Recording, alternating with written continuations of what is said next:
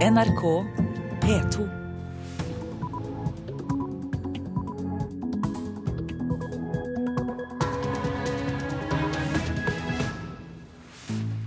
Nyhetsmorgen fortsetter i P2 og Alltid nyheter, og vi får høre mer om disse sakene. SV ville ikke kastet ut varsleren Edward Snowden dersom han hadde søkt asyl her i landet. De andre partiene nøler. Turistene strømmer til Hellas som aldri før, men ungdomsledigheten er fortsatt største hodepine for EU-lederne, som samles til toppmøte i dag. Og vi skal høre at flere over 60 fikser på utseendet sitt nå for å se yngre ut. Jeg kan gå i bikini igjen, det kunne jeg ikke før. Jeg går i bikini, jeg føler meg helt fin.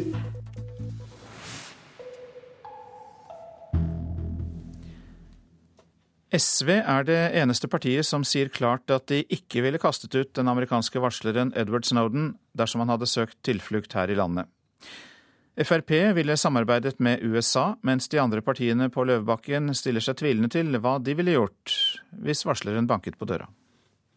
Um, if they want to get you, they'll get you in time. Hvis de vil ha tak i deg, får de tak i deg, sa den tidligere CIA-ansatte Edward Snowden før han dro til Moskva. Nå kan han dukke opp hvor som helst, men norske politikere står ikke med vidåpne armer. Jeg har uh, ikke stor sympati for den måten han har valgt å gå frem på. Sier utenrikspolitisk talsmann i Frp, Morten Høglund. USA krever Snowden utlevert, og Frp ville ha samarbeida. Som en god alliert av USA, så ville vi ha gått i en aktiv dialog med USA i forhold til å håndtere hans på en måte som var tilfredsstillende. Den spionasjesikta Snowden har varsla om at amerikanske myndigheter overvåker privatpersoner på bl.a. Facebook og Google. Michael Tetzschner er innvandringspolitisk talsperson i Høyre. Hvis vi tenker oss da generelt at det er en person som ønsker å bruke asylinstituttet for å unndra seg rettsforfølgelse for lovbrudd av ikke-politisk art i sitt hjemland, så vil jo det være en søknad som er særdeles dårlig begrunnet. Snowden er en varsler. Etter vårt syn er det han har gjort både modig og riktig. Sier Rebekka Bosch, som sitter i sentralstyret i Venstre. Men hun vet ikke om partiet ville sagt ja eller nei til utleveringskravet fra stormakta. Det vil nok være vanskelig for ethvert europeisk land å stå imot et sånt krav fra USA, men likevel så må en, en ganske nøye overprøving til. Altså Man må vurdere dette veldig nøyaktig og ut fra de formelle kravene USA måtte komme med. KrF, Senterpartiet og Arbeiderpartiet kaller problemstillinga hypotetisk. Det kommer ikke et klart svar før utenrikspolitisk salgsperson i SV, Snorre Valen, tar telefonen. Vi ville gått mot å utlevere Snowden fordi han er en varsler som har gjort en viktig jobb, og tort å varsle om omfattende overvåkning og brudd på folks personvern. Reportere her Kristine Svendsen og Hans Jørgen Solli. I Texas ble 52 år gamle Kimberley McCarthy henrettet med en giftsprøyte i går. Texas har henrettet 500 fanger siden dødsstraffen ble gjennomført der i 1976. Det er 14 år siden den tidligere stoffmisbrukeren ble dømt til døden for drapet på sin nabo, den 71 år gamle pensjonerte professoren Dorothy Booth. To ganger tidligere i år ble henrettelsen utsatt i siste øyeblikk etter anklager om at McCarthy, som er svart, var utsatt for rasediskriminering fordi hun ble dømt av en jury som bare besto av hvite. Nelson Mandela ligger i respirator. Det bekrefter en av de eldre i Mandelas stamme. Sør-Afrikas president Jacob Zuma avlyser en reise til Mosambik for å være i Sør-Afrika så lenge tilstanden til Mandela er kritisk. Millioner av unge uten jobb. Det er bakteppet for EU-ledernes siste toppmøte dette halvåret. Seks milliarder euro skal settes av for å bekjempe ledighet, og EU-lederne skal diskutere en mulig ungdomsgaranti. Så spørs det om det holder, europakorrespondent Hege Moe Eriksen. Hva skal til for å bekjempe ledigheten? Ja, Det er ingen tvil om at det er denne ledigheten eh, som nå er verkebyllen i Europa akkurat nå. I går så var jeg i eh, Europaparlamentet med folkevalgte under 35 år fra forskjellige land. De har nå gått sammen på tvers av eh, partilinjer eh, for å få på plass en ungdomsgaranti og for å legge press på EUs ledere som i dag møtes i, i Brussel. De vil altså ha en garanti om at unge i løpet av fire måneder enten skal være i jobb eller i uh, utdanning. Og EU-kommisjonen har varslet at de vil sette av da 6 milliarder euro. Mange mener dette ikke er tilstrekkelig, og at man ikke vil få bukt med ungdomsarbeidsledigheten med disse midlene. Og Det eh, hører jo til bildet at ungdomsledigheten er en del av den generelle arbeidsledigheten, som er veldig stor.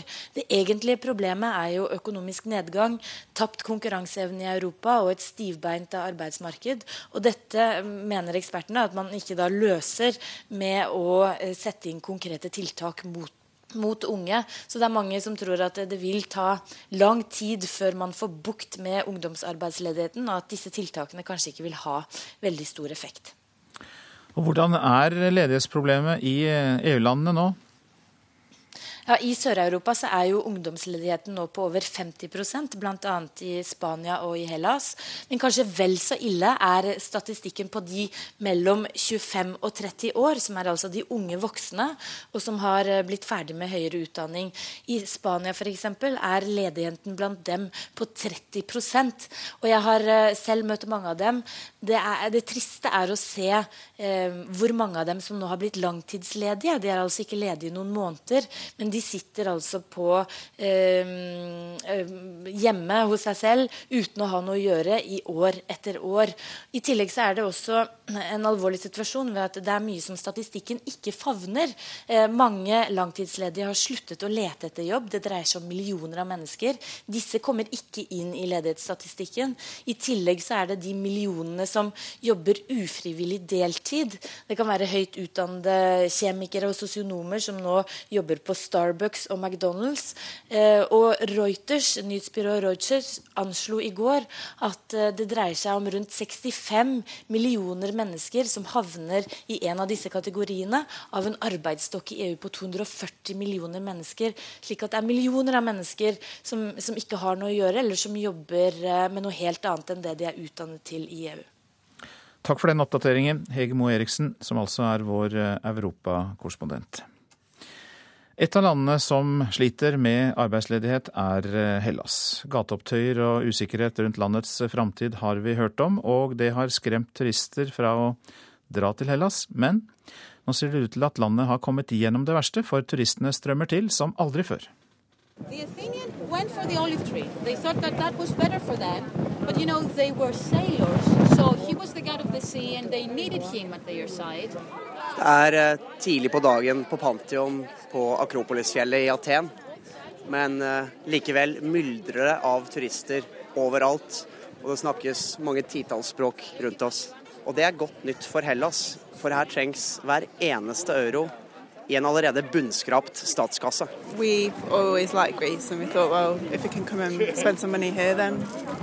Hayley og Myron Thomas fra Storbritannia mente det var en god idé å feire ett års ekteskap med en reise til nettopp Hellas i år. Landet trenger pengene turister legger igjen, mener de. Og nyhetene som har kommet ut av Hellas det siste året, har vært mindre preget av opptøyer og vold enn tidligere år. Yeah, it's not, not been as negative, has it? Not, not been aware of as, as many protests. Compared to last year, the whole situation, the whole outlook is much, much better and positive. Sjefen for den greske turistindustriorganisasjonen Sete ser med blide øyne på årets turistsesong, etter et fall i antall turister på 5% i fjor.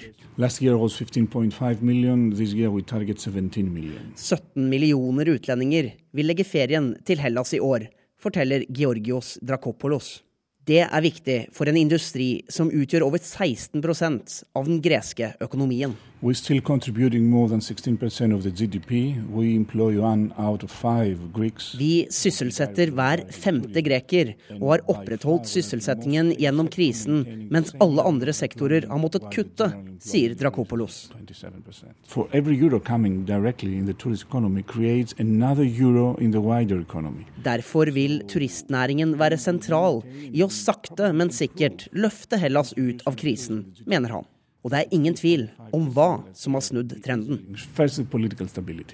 Last year, everybody had a question: so, Will Greece stay in the euro? Will go out? Politisk og økonomisk stabilitet er sentralt, sier Drakopolos, som mener at krisen også har gjort Hellas mer konkurransedyktig, både på pris og service. Og, sier Drakopolos, nordmenn er minst like velkomne til Hellas som før. No, we were very happy with the Norwegians. They have been always very good customers. we invite them to come to Greece and enjoy the summer. Og her i Norge så setter salget av Hellas-reiser nye rekorder i år. Det forteller markedssjef i Ving, Marie Anne Sakrisson. Da vil det koste for deg 4405. I fjor så slet Hellas, eh, og alle oss som solgte reiser til Hellas. Nå inför sommer 2013 så så vi ganske tidlig, faktisk allerede i vinter, at inngangen, altså bookingen for Hellas ble mye høyere enn samme tidspunkt i fjor. Så vi så at trenden kom tidlig, at det ble et Hellas-år. Det kan bli vanskeligere å finne restplasser til Hellas i år, da? Det tror jeg du har helt rett i. Der er det noe, vi har solgt omtrent åtte av ti reiser til Hellas i sommer. Det betyr at det er ikke så veldig mange igjen. Eh, og det er klart at når etterspørselen er høy, så blir prisene deretter. Og det var Stig Arild Pettersen som hadde laget innslagene om Hellas eh, turistindustri. Du lytter til Nyhetsmorgen, og klokka den går mot 7.14, og dette er hovedsaker. Helseminister Jonas Gahr Støre mener norske sykepleiere kan bli nødt til å jobbe flere helgevakter. Ingen menneskerett for norske sykepleiere bare å jobbe hver tredje helg, sier helseministeren til VG. SV ville ikke kastet ut varsleren Snowden dersom han hadde søkt asyl her i landet. De andre partiene nøler. Og vi skal snart høre mer om alternativene for et nytt regjeringskvartal som blir lagt fram i dag. Noen av forslagene kan føre til at VG Obos må flytte fra området.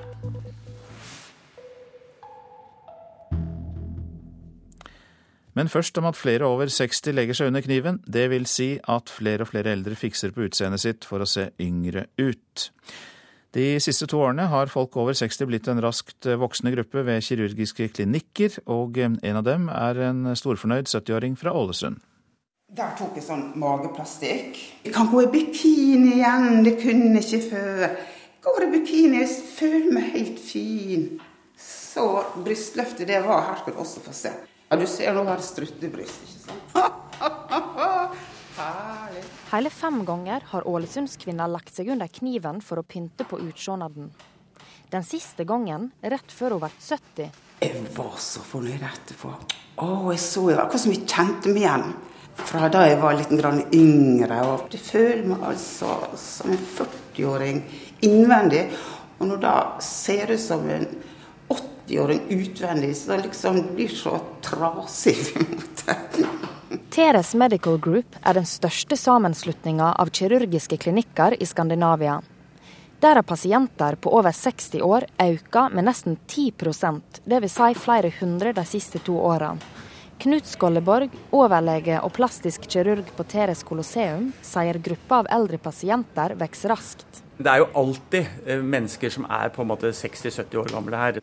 Lang tid tilbake så var eh, inngrepene blant eldre veldig stort knyttet til ansiktskirurgi, øyelokk osv. Kanskje facelift, eh, sånne ting. I dag så ser vi i større grad at de gjør noe med brystene sine. Til og med legger implantater på godt voksne damer. Og, og, selvfølgelig andre inngrep som man ikke uh, gjorde tidligere på uh, eldre mennesker. Og det er helt klart en økende tendens. Åshild Breian, redaksjonssjef i kvinnemagasinet Tara, er ikke overraska over de høye tallene. De merker godt at eldre er mer opptatt av hvordan de ser ut nå enn før. Det er jo noe som heter at 60 er den nye 40. For en stund siden var du jo gammel når du var 40, mens nå har det flyttet seg. Eh, vi vil gjerne holde oss unge og spreke til vi er 120, kanskje. Eh, så den drømmen om å holde seg ung, den, eh, den står veldig sterkt. Ingen som vet hvor lenge de får leve, da. Men jeg har veldig lyst til å bli over 100 år. Ja, du kan si jeg blir om ti år, da når jeg blir 80. Kanskje gjør noe da, og hvis det kan gjøre meg lykkeligere. Hvis det kan hjelpe liksom for å gjøre alderdommen eh, litt gladere. Reportasjen var laget av Adal Heidur Oldeide. Ingela Lundin Kvalen, god morgen til deg. God morgen. Du er førsteamanuensis i helsepsykologi ved Universitetet i Oslo og eh, forsket på kosmetisk kirurgi og eh, på vår tilfredshet med egen kropp. Ser du noe problematisk i at vi griper til kosmetisk kirurgi også over 60? I, I grunnen ikke. For jeg tenker altså kosmetisk kirurgi øker jo over hele linjen. Så det er litt urettferdig. Hvorfor skulle det ikke også øke over 60? Samtidig så er det jo litt trist at vi på en måte er så underlagt disse kroppsidealene i samfunnet vårt som sier at vi skal være veldig tynne og se veldig friske og spreke og unge ut. Eh, og samtidig så tenker jeg at når eh, inngrepene blir mer eh, som ufarlige som Botox f.eks. enn det å skjære i folk, så, så skjønner jeg jo liksom at flere bruker det som en mulighet for å endre på utseendet sitt. Hva legger du i at de er mer ufarlige? Ja, altså før så var det jo men Hvis du skulle endre på ansiktet ditt og du følte at det, liksom, det seig litt nedover, så, mm. så, måtte du ta ansiktsløft og skjære liksom, med kniv. Mens nå kan du jo bruke sånne fillere og Botox og sånn å, som er sprøyter, som selvfølgelig kan gi bivirkninger, det også, men ikke så alvorlig som, eh, som et kirurgisk inngrep vil være. Men hva med dette å eldes med verdighet og patina, er det helt borte? Ja, det er jo det. Altså, vi har jo et samfunn som har veldig stort fokus på et ungdommelig utseende, også en ungdommelig væremåte. Og når man har intervjuet folk, eh, eldre folk som har tatt kosmetisk så er det to ting de sier. Det ene er at man ønsker, som hun damen sa, altså, man ønsker å bli sånn som, som man var. Mm. Eh, sånn, det vil si når man var yngre. Men også sånn generelt eh, at man ønsker å se bedre ut, og at man ønsker å ta ansvar for kroppen sin. og Da inngår liksom trening og spise sunt, men også da å endre utseendet så man ser frisk og sunn ut. Det er liksom veldig på måte, idealet, spesielt i Norge, faktisk. Den her veltrente, sunne kroppen.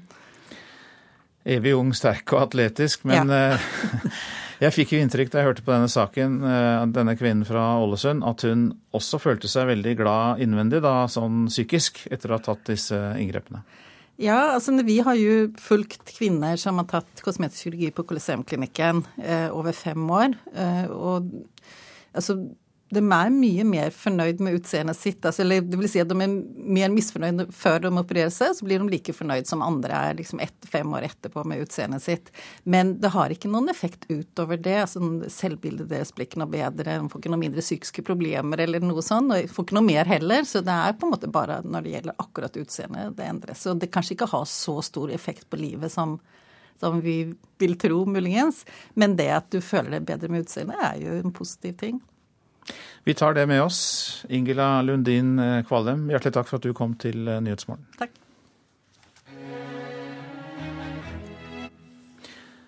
Nå om risikoen for å bli dopet ned eh, når du er ute på byen. På Sørlandet er flere unge jenter blitt dopet ned uten å vite det. Verken politi eller helsearbeidere kan si noe sikkert om omfanget av dette.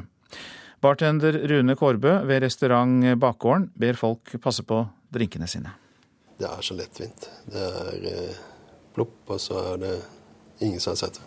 Sykepleier Liv Bente Sunde, som jobber mot rusmiljøet, bekrefter lett tilgang på piller. Kristiansand er en stor pilleby, og det er kommet masse, masse inn nå. Eh, tidlig i vår, som jeg har blitt tipsa om. Piller som Rohypnol fra Øst-Europa brukes til å forsterke og forlenge rus, og altså til å dope ned andre. Det som er, det er jo det at medikamenter i seg sjøl passer ikke sammen med alkohol. Og da får du ei virkning som du blir helt eh, slått ut av. Gunn Vetterhus jobber i helsetjenesten for ungdom.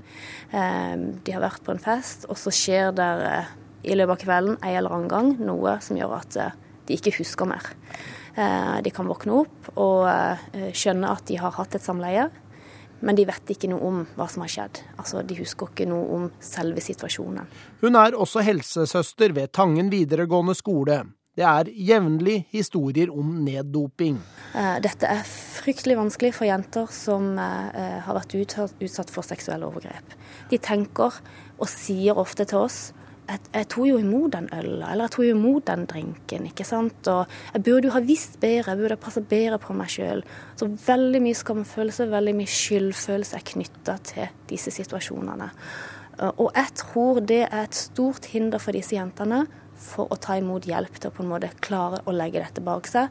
Ordenssjef ved Kristiansand politistasjon Dag Tallaksen sier dette er vanskelige saker å etterforske, i og med at hukommelsen er et sort hull. Og de våkner opp, og vi får ikke noe, noe mer opplysninger av dem. Og det, det er jo utfordringa for vår del, altså. Selv om offeret kvier seg for å anmelde saken, ønsker politiet å få beskjed om hva folk tror har skjedd, og ikke minst hvor. For det gjør jo at politiet kan holde dette stedet under oppsikt for å iaktta hva som skjer på det stedet, for, for å forebygge at ikke flere skal komme opp i de sånne uheldige omstendigheter. Politiet anbefaler. Pass på drinken din, pass på ølglasset ditt. Gå aldri fra det. Aldri overlate til noen ukjente med noe og begynne å drikke på et glass du ikke har hatt full kontroll på hele kvelden. Gode råd også fra bartender Kårbø. Hvis du sitter i en gjeng og, og du skal på toalettet, så si ifra. 'Her er glasset mitt, kan du passe på det?' Hvis du er aleine, så si fra til bartenderen. Sett deg eventuelt bak. Gjør et eller annet så du føler deg sikker og trygg. Vi skal være med og hjelpe til med det. Reporter i Kristiansand var Thomas Sommerseth. Så til avisene. Alle de nye jobbene i Norge går til innvandrere, er oppslaget i Dagens Næringsliv. Det ble skapt 38 000 arbeidsplasser i fjor. LO er bekymret over at nye innvandrergrupper presser de svakeste ut av arbeidsmarkedet. Google utleverer mer informasjon enn noen gang, skriver Aftenposten. Myndigheter i flere land fikk innsyn i e-poster og annen personlig informasjon 14 000 ganger i siste halvår i fjor. Vi spiser 1200 dyr i løpet av livet. Det er snart et større problem enn bilen, skriver Dagsavisen. Hungeren etter kjøtt er i ferd med å bli et klimaproblem. Penger å tjene på flis, forteller Nasjonen. Sigurd Enger selger biovarme til barnehager og boliger i Akershus-kommunen Aurskog-Høland fra sitt flisfyringsanlegg på bondegården. Edward Snowden får full støtte fra mange norske forfattere. Symbolsk og ideologisk ville det vært gjevt å gi varsleren asyl i Norge, sier forfatter Tom Egeland til Klassekampen. Helsearbeidere har Nord-Norges tryggeste arbeidsplass, skriver Nordlys. Landsdelen trenger 11 000 nye helsearbeidere de neste årene, så glem oljeindustrien, skriver avisa. Vekstbransjen er helse- og sosialsektoren. Friidrettstalentet Monica Kørra forteller Dagbladet om gruppevoldtekten hun ble offer for i USA i 2009. Nå holder hun foredrag om marerittet og sier at hun tilgir de tre voldtektsmennene som ble dømt til livstid i fengsel. Heder til en 23-åring som reddet seks liv i Fedrelandsvennen. Torbjørn Ramse merket røyklukt fra et hus i Marnardal, fikk beboerne raskt ut og startet slokningsarbeidet. Fotballskoler skaper klasseskille, frykter Hordaland fotballkrets. Bergens Tidende skriver om den spanske storklubben Valencia, som arrangerte tredagers fotballskole i Fyllingsdalen til 4500 kroner per deltaker. Sommeren blir pornofri på to av landets tre hotellkjeder. Vårt Land skriver at Thon-hotellene nå følger etter Petter Stordalens Choice-kjede, og kutter ut pornokanalene på hotellrommene. Forslagene til nytt regjeringskvartal blir lagt fram i dag. Noen av dem innebærer at VG og Obos må flytte ut av området. Konsernsjef i Obos, Martin Mæland, er opptatt av byutvikling og at sikkerhet ikke skal overstyre. Selv om man har ha respekt for at man skal ivareta sikkerheten, så må man gjøre det på en sånn måte at det er minst mulig ulempe for publikum. Sånn at det ikke ser ut som man bor i en festning som gjør at folk ikke orker eller har lyst til å gå gjennom disse områdene, at de blir døde og folketomme. Fordi det vil være trist for byen. Obos og VG har sine kontorer i områder som kan bli tatt over av staten gjennom ekspropriasjon, dersom man går for det såkalte øst- eller vestalternativet. Østalternativet foreslår at området mellom Møllergata og Grubbegata i Oslo gir plass til departementer. Boligkjeden Obos har sitt hovedkontor i dette området, men konsernsjef Mæland er ikke bekymret for om de må flytte. Ja, det er Bedrifter flytter jo en gang iblant, så selv om vi har bodd på Hammersborg torg i 50 år, så, så, er jo det ingen umulighet. Men vi regner jo da med at regjeringen vil kunne skaffe oss andre lokaler. Som er av tilsvarende beliggenhet og beskaffenhet. VG har holdt til i lokalene i Akersgata siden 1945. Dersom regjeringen går for det såkalte vestalternativet, vil det kunne medføre at disse avislokalene overtas av staten som del av et nytt regjeringskvartal. Men dette bekymrer heller ikke administrerende direktør i VG, Torry Pedersen. Jeg kan vel ikke si at vi har noen akutt bekymring. For det første så er det vår erfaring at utbyggingsprosjekter i Oslo tar svært lang tid. Og hvis det skulle bli slik at dette alternativet skulle bli valgt, så formoder jeg at det legges til rette for at VG får andre veldig gode, hensiktsmessige lokaler i Oslo sentrum. Det er det viktige for oss. Konsernsjef Mæland i Obos er opptatt av at det nye regjeringskvartalet ikke bør bli et avstengt område hvor hensynet til sikkerheten blir til ulempe for folk. Det som ikke gagner byutviklingen, det er hvis man lager alt dette til en festning og stenger eh, gatene. Altså hvis man opprettholder Akersgata stengt eh, også gjør Møllagate enda vanskeligere tilgjengelig enn den er i dag, så vil det være veldig trist for byutviklingen. Da vil man lage en død eh, by midt i sentrum og gjøre at eh, det vil være andre deler av Oslo kanskje som, som, blir bedre, da. Men det vil være trist for sentrum Oslo rundt, eh, rundt Stortinget og Karl Johan. Så alt man kan gjøre for å åpne noen av disse viktige gatene, både for, eh, både for eh, folk og kollektivtransport, Eh, og også delvis fra biler. Det vil være, være bra for byutviklingen. Reporter her Jelena Maria Kabo. Prisene på sommerkål dumpes i butikkene pga. overproduksjon. Vanligvis kommer kålen fra Jæren før resten av landet, men i år er forspranget til produsenten i Sør-Vest spist opp av den sene våren. Dermed hoper det seg opp med kål på lagrene. Nå konkurrerer hele landet samtidig. Det sier daglig leder ved Vik gartneri på Klepp, Kåre Vik. Du kan kalle det for overproduksjon, kanskje i en liten overproduksjon akkurat nå, og det skyldes pga. at vi er jo avhengige av å selge til alle eh, til andre fylker, eksportere de ut eh, til andre, andre deler av landet. Eh, men der stopper det opp pga. at de er selvforsynte, både Sørlandet, Auslandet og Trøndelag. Så får vi kunder bare løpe og kjøpe kål. Prosent for Nyhetsmorgen i dag, Kari Bekken Larsen. Her i studio, Øystein Heggen. Og jeg minner om at tekstene til Pussy Riot nå kommer på norsk. Og mer om det i reportasjen vi har laget etter Dagsnytt.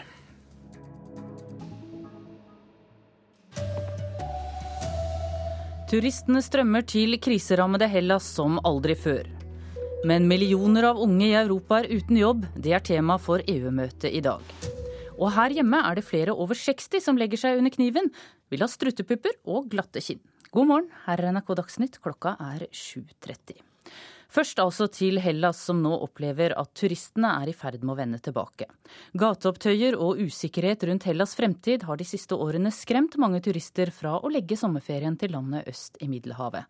Det har rammet en allerede haltende økonomi hardt, men nå kommer flere turister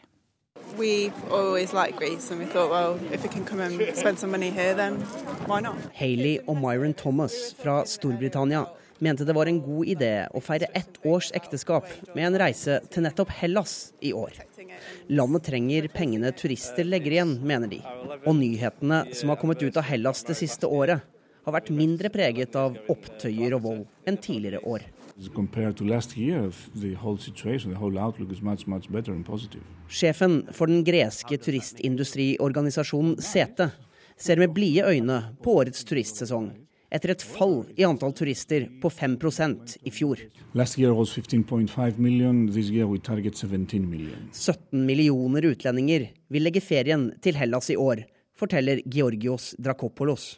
Det er viktig for en industri som utgjør over 16% av den greske økonomien.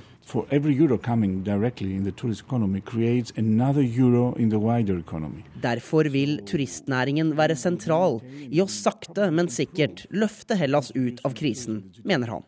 Og det er ingen tvil om hva som har snudd trenden. First, Politisk og økonomisk stabilitet er sentralt, sier Drakopolos, som mener at krisen også har gjort Hellas mer konkurransedyktig, både på pris og service. Av vår reporter i Aten er Stig Arild Pettersen. Europakorrespondent Hege Moe Eriksen, vi hører at flere turister velger Hellas som ferieland igjen, men det betyr vel neppe at den økonomiske krisen for landet er helt over? Nei, krisen i Hellas er på ingen måte over. Riktignok så finnes det lyspunkt. Eh, regjeringen har gjennomført innstramminger og reformer som nå gjør at budsjettunderskuddet er i ferd med å bli mindre. EU mener at Hellas er på rett vei, men landet er i resesjon, altså i økonomisk nedgang, for sjette året på rad. Og arbeidsledigheten i landet er nå på 27% slik at situasjonen er fortsatt veldig vanskelig, og det vil nok ta mange år før vi ser en reell bedring i Hellas. Ja, og nettopp arbeidsledighet det bekymrer EU-lederne, og ungdomsarbeidsledighet i Europa det er tema for deres siste toppmøte før sommeren i dag. Hva skal skje der? Ja, denne Ledigheten i EU er den store verkebyllen i Europa. og EUs ledere vil nå ha på plass en såkalt ungdomsgaranti. Altså en garanti som skal sikre at unge under 25 år i løpet av fire måneder enten skal være i jobb eller tilbys lærlingplass eller utdanning. Det er satt av 6 milliarder euro til dette, og mange mener at dette er altfor lite. Fordi ungdomsarbeidsledigheten er jo en del av den generelle arbeidsledigheten. Og dette er jo resultatet av store økonomiske problemer i EU. Og få tror at disse tiltakene som EU nå varsler, faktisk vil utgjøre en forskjell.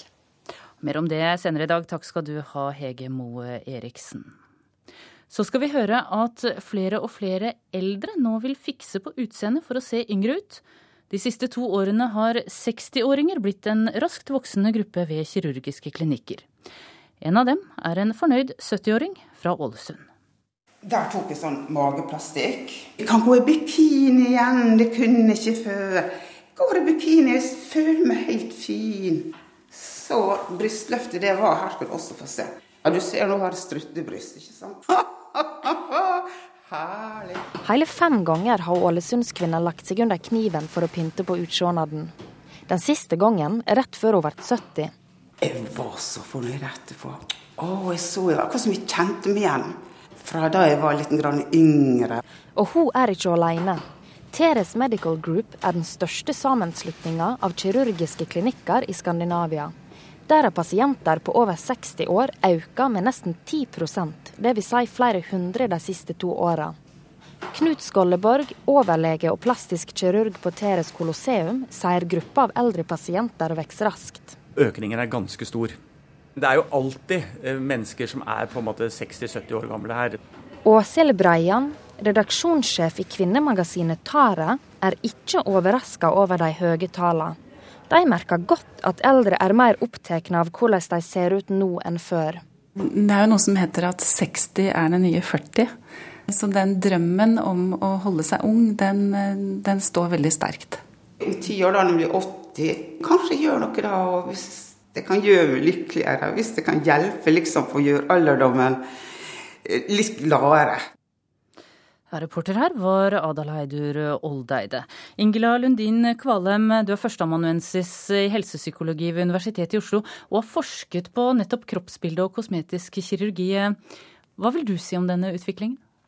Altså det tenker at den er nokså naturlig. Det er liksom en generell økning i kosmetisk kirurgi i alle aldre. Så det er ikke så rart at det også en økning blant den eh, eldste gruppen. Men det er jo også kanskje en litt mer sånn trist bakgrunn, og det er jo det fokuset på å være så perfekt. Altså det perfekte kroppsidealet vi har med å være, se ung ut og veltrent og frisk og sunn osv. Så, videre. så det på en måte å prøve å kontrollere da den den eh, endringene som kommer av aldring, er også da på en måte en ekstra ting som kommer inn. Ja, hvorfor eh, tror du at noen av oss vil bruke Botox eller stramme opp puppene når vi har passert 60? Jeg tenker at det er liksom en sånn allmenn større aksept for kosmetisk kirurgi i samfunnet vårt. Og at tilgjengeligheten har blitt større, vi har bedre råd, og inngrepene har blitt mindre hva skal man si, invaderende, altså mer sånn sprøyter og kanskje ikke så farlige ting. Men hva er de negative konsekvensene av dette? Altså Det er jo på en måte det at vi ikke får lov, ikke får lov til å se ut sånn som vi ser ut. At vi hele tida må liksom jage et eller annet sånt ideale. Og at det er selvfølgelig er aldri Det er ikke helt risikofritt å stikke sprøyter i oss eller skjære. Takk skal du ha, Ingela Lundin Kvalem, førsteamanuensis altså i helsepsykologi.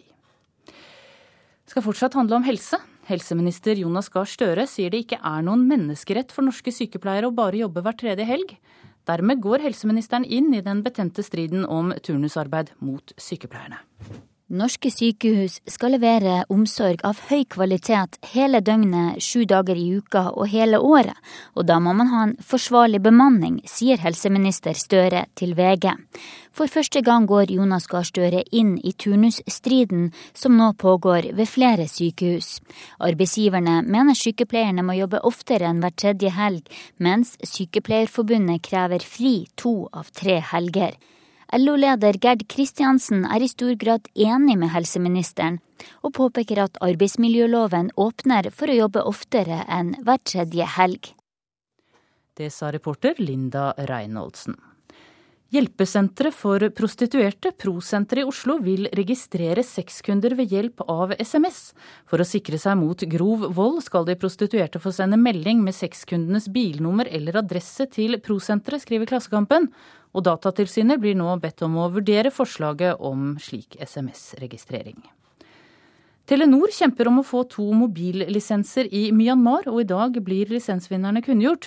Men Telenors arbeid med å rekruttere ansatte startet allerede for to dager siden, og ifølge den indiske avisen The Economic Times blir det sett på som et tegn på at Telenor er sikker på å få en av de to lisensene. Bare 2040 tilskuere var på Ullevål i går da Vålerenga slo Sogndal i cupens fjerde runde. Enga-trener Kjetil Rekdal mener det burde vært fem ganger så mange på tribunene. Iallfall opp mot 10 000. Vålerenga-trener Kjetil Rekdal mener flere burde sett cupen. I går var det kun 2040 tilskuere som så Vålerenga slå Sogndal på Ullevål. Det er jo altfor lite, eh, selvfølgelig.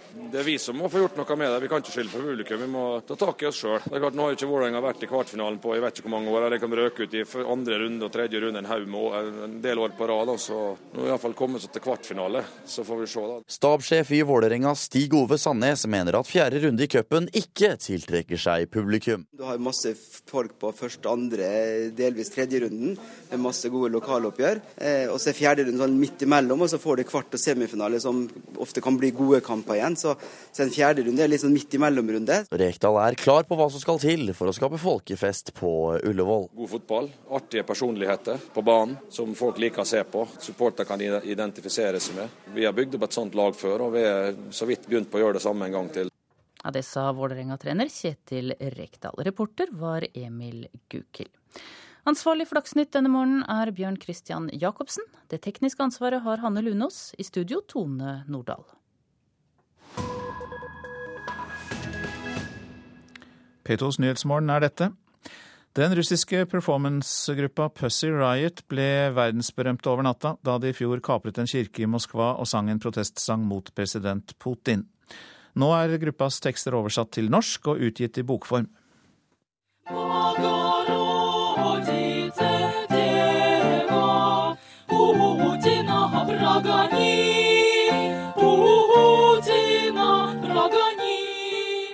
Slik spilte de seg inn til verdensberømmelse og fengselsstraff.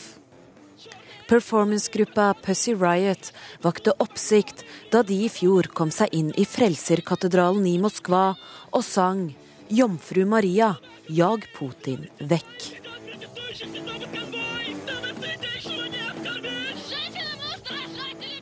Nå har Russland-forsker Martin Paulsen ved Universitetet i Bergen oversatt gruppas tekster til norsk og utgitt de i boka 'En punkebønn for frihet'. Hovedbudskapet er at det politiske systemet i eh, Russland i dag er pill råttent. Og at for at Russland skal bli et bedre land å leve i, så må man i større grad la individet utvikle seg som individ. Et individ som stiller spørsmålstegn, snarere enn bare akseptere de sannhetene som den politiske ledelsen gir dem.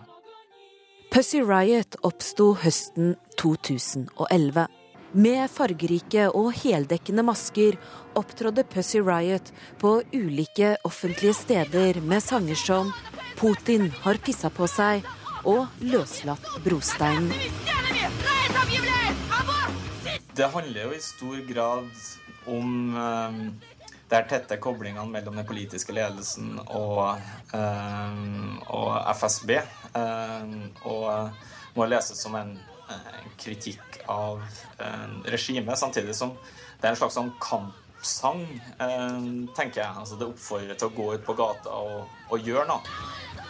Da Putin selv ble bedt om å kommentere Pussy Riot på TV-kanalen Russia Today, ville han først ikke svare. Han utfordret istedenfor programlederen til å oversette gruppas navn til russisk.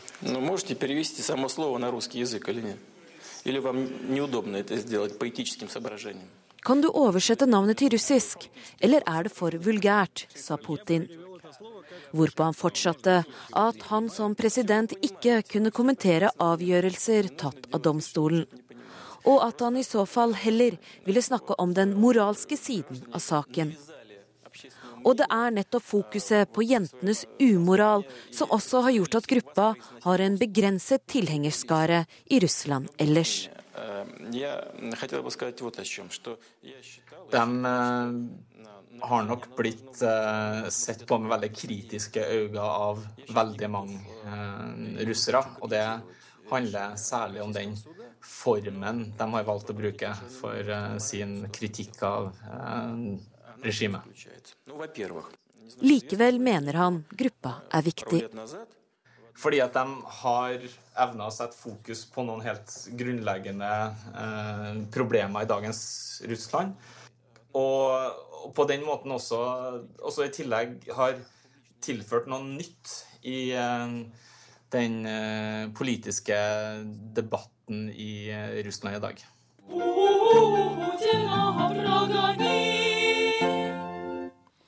Den reportasjen var laget av Guri Nordstrøm. Her i Petos Nyhetsmorgen er dette hovedsaker. Helseminister Jonas Gahr Støre mener norske sykepleiere kan bli nødt til å jobbe flere helgevakter. Ingen menneskerett bare å jobbe hver tredje helg, sier helseministeren til VG. SV ville ikke kastet ut varsleren Edward Snowden dersom han hadde søkt asyl her i landet. De andre partiene nøler. Flere og flere eldre fikser på utseendet for å se yngre ut. De siste to årene har 60-åringene blitt en raskt voksende gruppe ved kirurgiske klinikker.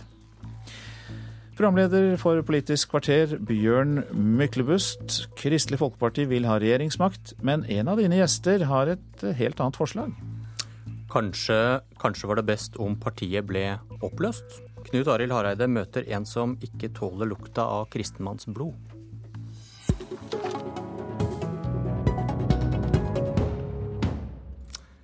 Velkommen, KrF-leder Knut Arild Hareide. Tusen takk.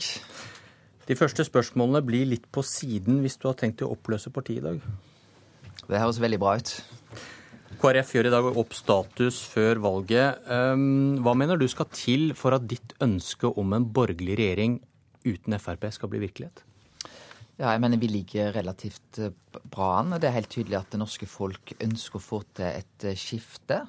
Eh, det viser både dag, dagens meningsmåling i vårt land et tydelig flertall som sier at nå ønsker vi å få en ny regjering. Det ønsker KrF. Så ønsker vi selvfølgelig en regjering som er nærmest sentrum, der vi ligger. Som har en tydelig eh, sosial eh, profil. Som løfter opp de små og mellomstore bedriftene. Som får plass en god familiepolitikk. Og da er det viktig at det blir en regjering med tyngde mot sentrum. Og da tror jeg det er viktig at både KrF, men òg Venstre gjør det bedre enn det vi gjør det i dag. KrF er landets fjerde største parti i dag, men det er fordi en del av de andre små partiene gjør det relativt dårlig. Men eh, vi, vi lurer jo alle på hva som foregår inni hodene på dere borgerlige ledere, og hva som skal til. Er det at KrF og Venstre blir større enn Fremskrittspartiet? Jeg tror ikke dette er ren matematikk, men for KrF sin del så vil vi bidra til et skifte. Så det er viktig at KrF får en styrke til å gå inn i regjering. Eh, da trenger vi å øke vår eh, oppslutning. Ehm, vi har òg gode muligheter til å gjøre det bedre enn vi gjorde ved, ved forrige valg. så det er det klart at jo sterkere sentrum blir, jo større sannsynligheten for dette. Det KrF har sagt. Vi vil sette oss ned sammen med de andre partiene som ønsker å bidra til et skifte. Dvs. Si Høyre, Fremskrittspartiet, Venstre og KrF. Og så vil samtalene der avgjøre eventuelt hvilken regjering det blir. Er det, er det Erna Solberg som til slutt må bestemme seg for et retningsvalg? Hva Høyre vil? Jeg tror at uh, alle de fire partiene er enige om én ting. Vi må nå avgjøre og se på hva velgerne sier. Og det er klart at velgerne har nå stor å lytte til velgerne, og velgerne sin dom kommer til helt klart å ha betydning. Og det jeg tror mange velgere ser, det at det blir et skifte. Det de nå kan avgjøre, er hvilket skifte blir det. Blir det et skifte som ønsker å ta vare på en god landbrukspolitikk, som er opptatt av en fattigdomsprofil eh, både her hjemme eh, og ute i verden? Ja, da er det viktig at det blir et sterkt KrF. Eh, så det å lytte til velgerne før vi trekker endelige konklusjoner, det tror jeg velgerne setter pris på, og det tror jeg er veldig klokt. Du nevnte målingen i Vårt Land som gir et eh, blått flertall. I en annen avis sto det også noe interessant i dag, i VG. Erna Solberg forteller for første gang om forskjellene på en borgerlig regjering med og uten sentrum, og at oljepolitikken vil være annerledes. Stikkord Lofoten. Hva trekker du ut av det? Ja, jeg tror det er, en, er, eh, helt riktig det Erna Solberg sier. Det er klart at en regjering med og uten sentrum vil ha en betydelig annen profil på miljø- og klimasaken. Det er jo ikke det eneste området. Hvis vi ser både på fattigdomssatsing, familiepolitikk, så det er klart at hva en regjering blir med og uten sentrum, det vil være veldig forskjellig. Og det tror jeg nå velgerne kommer til å se tydeligere på. Eh, hvilken Erna Solberg er det vi får? Er det en som blir dratt mot sentrum, eller en Erna Solberg som blir dratt mot det ytre mørkeblå Høyre? Det vil være veldig forskjellig. Men du, veldig... men du, har som du har sagt, du har blitt en borgerlig garantist selv om KrF ikke er i regjering? Ja, vi vil bidra til et skifte. Det har vi sagt i over et år. Vi vil bidra til eh, et skifte. Hvordan hindrer, klart... du, hvordan hindrer du utbygging i Lofoten og Vesterålen da, hvis du ikke kommer i regjering? Ja, Jeg skal ikke gå inn i detaljene rundt uh, dette. Ja, Men dette er, er jo helt sentralt. Dere har garantert for en borgerlig regjering, og flere av deres kjernesaker er dere avhengig av å sitte i regjering for å påvirke? Ja, Noen av sakene vi er avhengig av å sitte i regjering for å kunne påvirke. Vi er avhengig av en støtte fra velgerne for å kunne levere på de sakene. Så vi trenger først og fremst en oppslutning fra velgerne for å kunne levere på Lofoten, Vesterålen og på de mange andre viktige sakene. Eh, så er det jo sånn at vi vil jo kunne påvirke en regjering om vi ikke er en del av den. Hvordan da? Ja, Det vil vi kunne gjøre fra Stortinget. Eh, men Nekte å vedta et budsjett med dem? Vi vil være et konstruktivt og eh, opposisjonsparti om vi ikke kommer inn i regjering. Men vi vil jo òg kunne, kunne, gjøre avtaler på enkeltsaker, selvfølgelig, om vi ikke går inn i regjering. Kan du, Dette... kan du i løpet av fireårsperioden true med å snu deg og samarbeide med Arbeiderpartiet hvis du ikke får det som du vil? Eller er det uaktuelt med den garantien du har gitt? Ja, vi ser veldig tydelig at vi vil bidra til et regjeringsskifte. Men hvor, hvor, hvor, hvor lenge inn, gjelder den garantien? Vårt mål, vårt mål, er selvfølgelig å komme i regjering. Vi vet jo at sitter vi i regjering, da har vi størst mulighet til å kunne påvirke politikken. Hvis det ikke er mulig, hvis ikke velgerne gir oss den oppslutningen vi trenger for å kunne gå inn i regjering, for å kunne få gjennomslag for våre viktige saker, ja, da kommer vi til å være et konstruktivt eh, opposisjonsparti, men selvfølgelig også et men kritisk da, da lurer vi på hva, hva den litt ulne formuleringa betyr. Hvor lang holdbarhet har den garantien du gir? Ja, Det er jo umulig å sitte og kunne gi den type garantier her. For det er jo helt avgjørende for hvordan den nye regjeringa eh, ja, så. Du, du er med er på å innsette en regjering, men du er også klar til å felle den på f.eks. Lofoten eller andre ting som er viktig for KrF? Alle vet jo at for både Venstre og KrF så er Lofoten-Vesterålen en utrolig viktig sak. Og det er klart at kom det en ny regjering som Venstre og KrF ikke er en del av. Og det første den regjeringa gjør, er å gå på tvers av vår politikk på viktige områder. Så det er klart at da innbyr jo ikke den regjeringa til et godt samarbeidsklima. Men jeg håper jo at det er noen av de temaene som kommer opp i samtalene etter valget, om velgerne gir muligheten til et skifte. Men det må ikke være noen tvil. KrF går til valg for å komme inn i regjering, for å få en styrke til å komme inn i regjering. Vår erfaring er nettopp at når vi sitter rundt regjeringsbordet, det er da vi har fått gjennomslag for eh, kontantstøtte, for røykelov, for å løfte frivilligheten.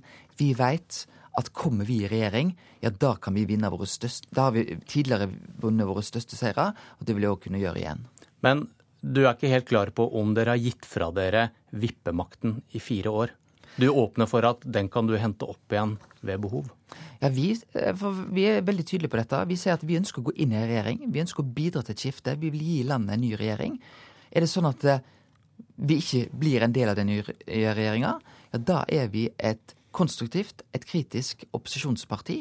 Eh, og det er, har vi vært veldig tydelige på i ett år, så dette er ikke noe nytt. Dette er det samme KrF har sagt hele veien. OK, vi kommer ikke lenger. Hareide, er kristendommen det beste utgangspunktet for en politikk for menneskeverd og omsorg for de svake?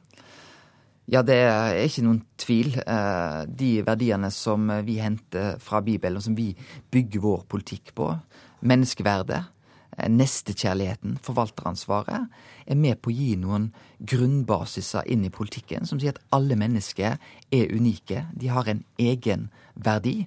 Og vi ser jo nettopp at disse verdiene i dag er med på å prege politikken rundt f.eks. Eh, gen- og bioteknologi eh, der vi nå får mange store etiske utfordringer fordi at teknologien gir oss så mange muligheter.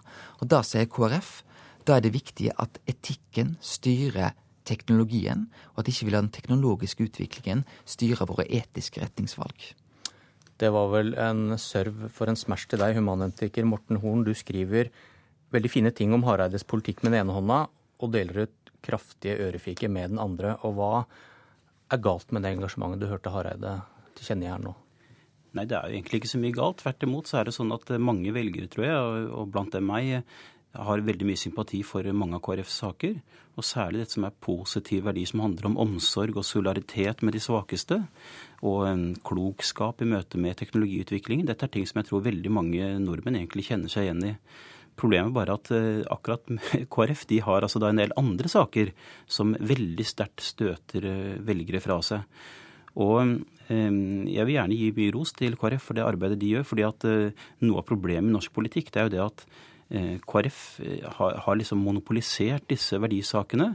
Og samtidig så har en del av de andre partiene, særlig på venstresida, men også Høyre kanskje, eh, begynt å liksom abdisere litt fra, fra, verdispørsmålene. Så da står man med bare KrF som en slags garantist for verdispørsmålene. Hvordan har de klart å få dette monopolet, da? Hva har de gjort?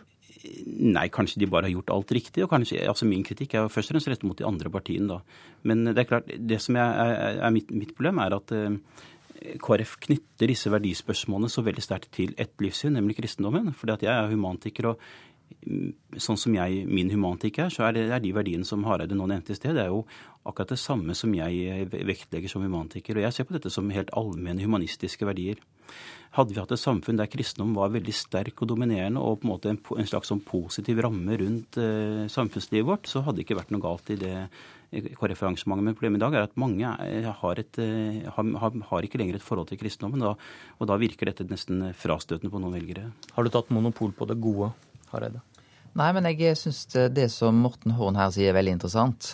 For det han sier at eh, mange av de andre partiene har abdisert innenfor verdipolitikken. Og ikke minst når, vi når, når, når venstresida i norsk politikk, som er veldig flink på å snakke om våre barn, snakke om fellesskapsløsninger. Når vi da ser på den teknologiske utviklingen, f.eks. innenfor bioteknologien, der vi nettopp nå kan gjøre valg som gjør at vi mister noe av fellesskapet. Der vi kan få returrett på enkelte barn. Eh, der vi diskuterer aktiv dødshjelp eh, som et virkemiddel eh, mot, mot eldre. Og det er klart at i den type spørsmål så opplever jeg at en del av de andre partiene ikke velger å gå inn i den viktige verdidebatten som KrF ønsker å invitere til. Men, Men å oppløse KrF, sier du, Horn? Nei, det jeg mente var at altså, vi trenger et verdiengasjement i de andre partiene også. Og enten så må de ordne det sjøl. Det, det, hjelper på en måte ikke at KrF-erne har fine og gode meninger på disse spørsmålene, så lenge de andre partiene, som du var inne på i sted, utgjør en majoritet. Ehm, og jeg tror mange som har eh, hørt til venstresiden, har blitt veldig skuffet over SVs holdning i eh, ultralydspørsmålet f.eks.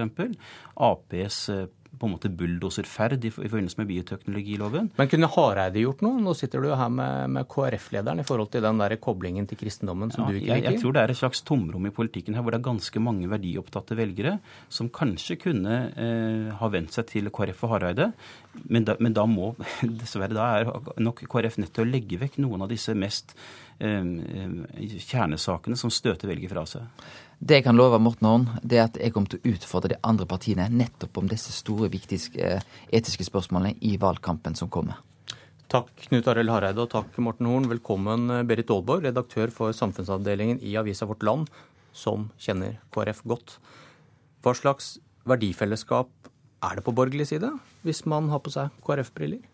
Ja, nå har vi jo nettopp hørt at Knut Arild Hareide bruker ordet som at de andre partiene har abdisert i verdipolitikken. Og det har altså vært sånn at tidligere så var det eh, Flere av de borgerlige partiene var likere KrF i verdipolitikken. Men vi har sett særlig det siste året både Høyre og Venstre har bevega seg litt bort i en del av disse klassiske KrF-sakene. Så, så eh, KrF står nokså aleine i mange av de tradisjonelle verdispørsmålene. Hvis vi tar det andre spørsmålet vi begynte med Hareide om her. Hvordan er lojaliteten i Venstre og KrF for det borgerlige prosjektet? Jeg tror de eh, Akkurat for øyeblikket så er de nok veldig opptatt av at de har lovt et regjeringsskifte. Men det var, det var veldig interessant å høre på Knut Arild Hareide nå, for han sier flere ganger at han vil bidra til et skifte. Men han vil ikke si at han skal love å holde en blå regjering gjennom fire år. Og det tror jeg faktisk ikke heller eh, nødvendigvis er sikkert at han kommer til å gjøre hvis han kommer i en vippeposisjon. Jeg tror at kommer det opp saker som eh, KrF er uenig i, så kan de, hvis de sitter i en sånn posisjon, velte en blå regjering regjering. Kan de snu seg til Arbeiderpartiet og bli et sentrumsparti som, som kan samarbeide til begge sider igjen? I løpet av de neste fire årene allerede? Det er vanskelig å si om de vil gjøre det i løpet av de, de, kommende fire årene. Men jeg tror ikke det er heller helt usannsynlig at de gjør det. Det kommer litt an på hvordan den politiske diskusjonen blir, og hvor, hvor, eh, hvordan forholdet kommer til å utvikle seg i løpet av denne tida. Hvis vi f.eks. ser Høyre og Fremskrittspartiet som blir veldig store, og som kjører hardt på en del, parti, en del spørsmål, f.eks. i alkoholpolitikken liberaliserer voldsomt, så kan vi komme til å se det, faktisk. Er lojaliteten sterkere i Venstre til det borgerlige prosjektet? Um, Ordet lojalitet er jeg litt usikker på uh, om er det rette å bruke i denne sammenhengen. Men det som er tror jeg, en viktig sak, er at Venstre er mye likere både Høyre og Fremskrittspartiet. Altså det er et veldig, Mange vil si at alle de tre partiene har noen liberalistiske trekk. Uh, så Venstre har rett og slett en del mer felles med de to blå partiene. For Venstre, sånn som jeg ser det nå, er det rett og slett uaktuelt å samarbeide mot venstresida. Men det er mange politikksaker eh, KrF kunne samarbeide med venstresida om, særlig den økonomiske politikken. Berit Aalborg, redaktør i Vårt Land, takk for at du kom til Politisk kvarter. KrF oppsummerer senere i dag klokken ti. I morgen er det Frp sin tur, og de har, som starter i dag, en valgcamp i Kristiansand. Og Siv Jensen er Håvard Grønli sin gjest i Politisk kvarter i morgen. Politisk kvarter i dag var ved Bjørn Myklebust. Og nå får du en nyhetsoppdatering. Hør flere podkaster på nrk.no podkast.